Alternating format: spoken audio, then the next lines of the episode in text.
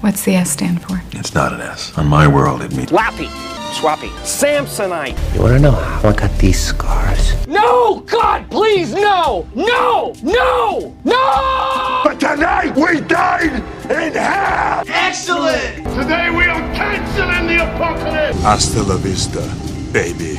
Oh,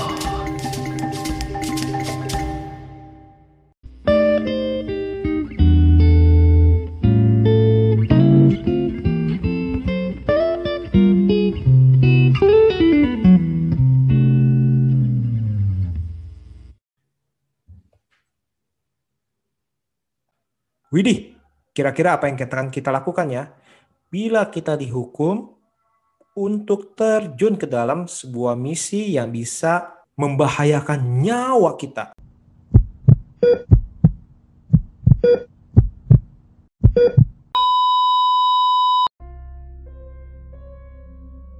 Hey hey hey, selamat bergabung kembali di channel BB69.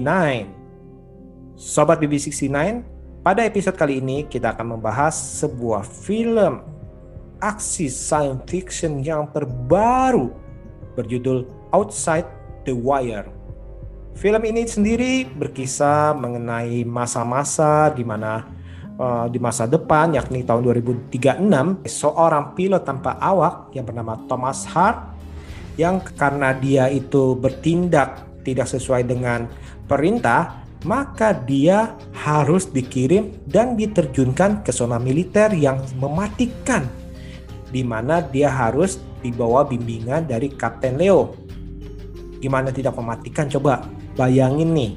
Dia ini harus ikut dengan sang kapten ke dalam suatu misi melewati atau dalam arti menjalani di zona perang saudara antara Rusia dan Ukraina yang benar-benar mematikan. Hal yang cukup mengejutkan adalah ternyata Kapten Leo itu merupakan suatu prototipe robot tentara terbaru yang diluncurkan oleh militer Amerika. Nah, kira-kira nih Kapten Leo membawa si Thomas ini ke dalam misi seperti apa ya? Seberbahaya apa ya? Dan apa aja nih yang akan mereka hadapi? Premis dari film ini menurut saya ini sangat menjanjikan atau benar-benar keren. Betapa tidak? Coba bayangin nih, premis ini merupakan satu adonan atau kumpulan dari beberapa film nih. Misalkan kalau kita bisa bilang ini film ini mengingatkan dari film Training Day yang dimainkan oleh Denzel Washington waktu dulu tuh ya. Nah, di mana sang mentor harus membimbing dari newbie. Terus juga film ini mengingatkan kalau saya ini mengingatkan pada Robocop atau The Terminator tuh di mana yang ada cyborg atau istilahnya bisa dibilang itu robot-robot yang keren dan berbahaya nih baik yang polisi ataupun penjahat dan pertempuran itu kan kita bisa bayangin tuh ya di dalam film Robocop atau Terminator itu kan benar-benar seru ya Nah, selain itu ada beberapa unsur yang mengingatkan kita kepada film Watchmen tuh. Itu merupakan film superhero yang cukup berkesan buat saya. Film laga atau film aksi itu tidak akan seru atau tidak jos bila tidak ada adegan aksi atau laga yang keren. Nah, bayangin nih, di dalam film ini ada pertempuran antara manusia lawan manusia. Hmm, Terus antara manusia melawan robot yang canggih-canggih tuh. Bayangin tuh ya. Terus antara robot melawan robot juga dari pertempuran tangan, pertempuran uh, senjata atau pistol yang untuk kalibernya kecil, sampai dengan senjata senjata yang sangat berat tuh ya. Dalam adegan aksinya nih menurut saya ini cukup keren nih ya.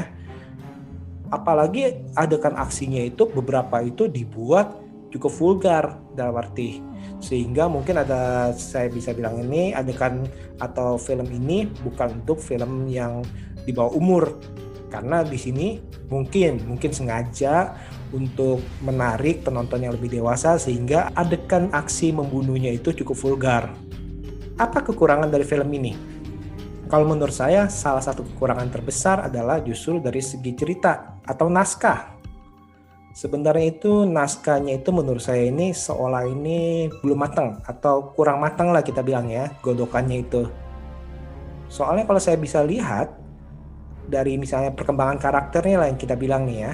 Perkembangan karakternya baik itu karakter si Leo maupun karakter si Thomas yang dimainkan oleh Anthony Mackie atau Damson Idris ini harusnya ini bisa diberikan atau digali lagi lebih dalam lagi nih Misalkan kayak motivasi-motivasi mereka berbuat satu hal, mengambil keputusan, atau masa lalu-masa lalu mereka, ataupun yang gampang kayak si Thomas hubungan dengan pacarnya yang membuat dia sebenarnya itu bertahan hidup, tapi itu kan nggak dibahas tuh. Harusnya itu e, dibahas lebih dalam atau setidaknya itu sekilas sehingga kita lebih merasakan atau terikat dengan motivasi tersebut. Nah demikian juga dengan karakter Leo mengapa nih dia berbuat seperti ini, mengapa dia bisa seperti itu, mengapa dia ngambil keputusan seperti ini. Nah, itu kan seharusnya itu dikasih kilas-kilas balik lah, atau dikasih sepertinya itu harus diterangkan jauh lebih baik lagi. Itu dari karakter utamanya nih. Selain itu juga ada beberapa karakter nih, misalkan karakter pendukung yang antagonisnya nih, seharusnya itu kan di, bisa digali atau diberikan porsi lebih banyak sehingga kita bisa lebih nah, tanda kutip itu terikat karena kalau di film ini seolah-olah itu rentetan dari baca ceritanya itu sepertinya ya berjalan hanya begitu aja. Nah itu sih yang benar-benar saya sayangkan sih. Dari CGI-nya menurut saya sih cukup oke. Okay. Dari gerakan para robotnya, dari aksinya, terus dari ledakannya, segala sesuatu yang ada di film ini menurut saya CGI-nya itu masih bisa ditolerable dan menurut saya cukup, masih cukup keren sih. Nah kalau untuk aktornya, aktornya udah nggak usah diragukan lagi. Anthony Mackie kita udah tahu dia itu sudah bermain dalam banyak banyak film. Misalkan sebut aja itu dalam film Marvel lah ya kita udah lihat dia sebagai Falcon. Terus di film seri Altered Carbon The Hard Locker terus habis itu Pain and Gain.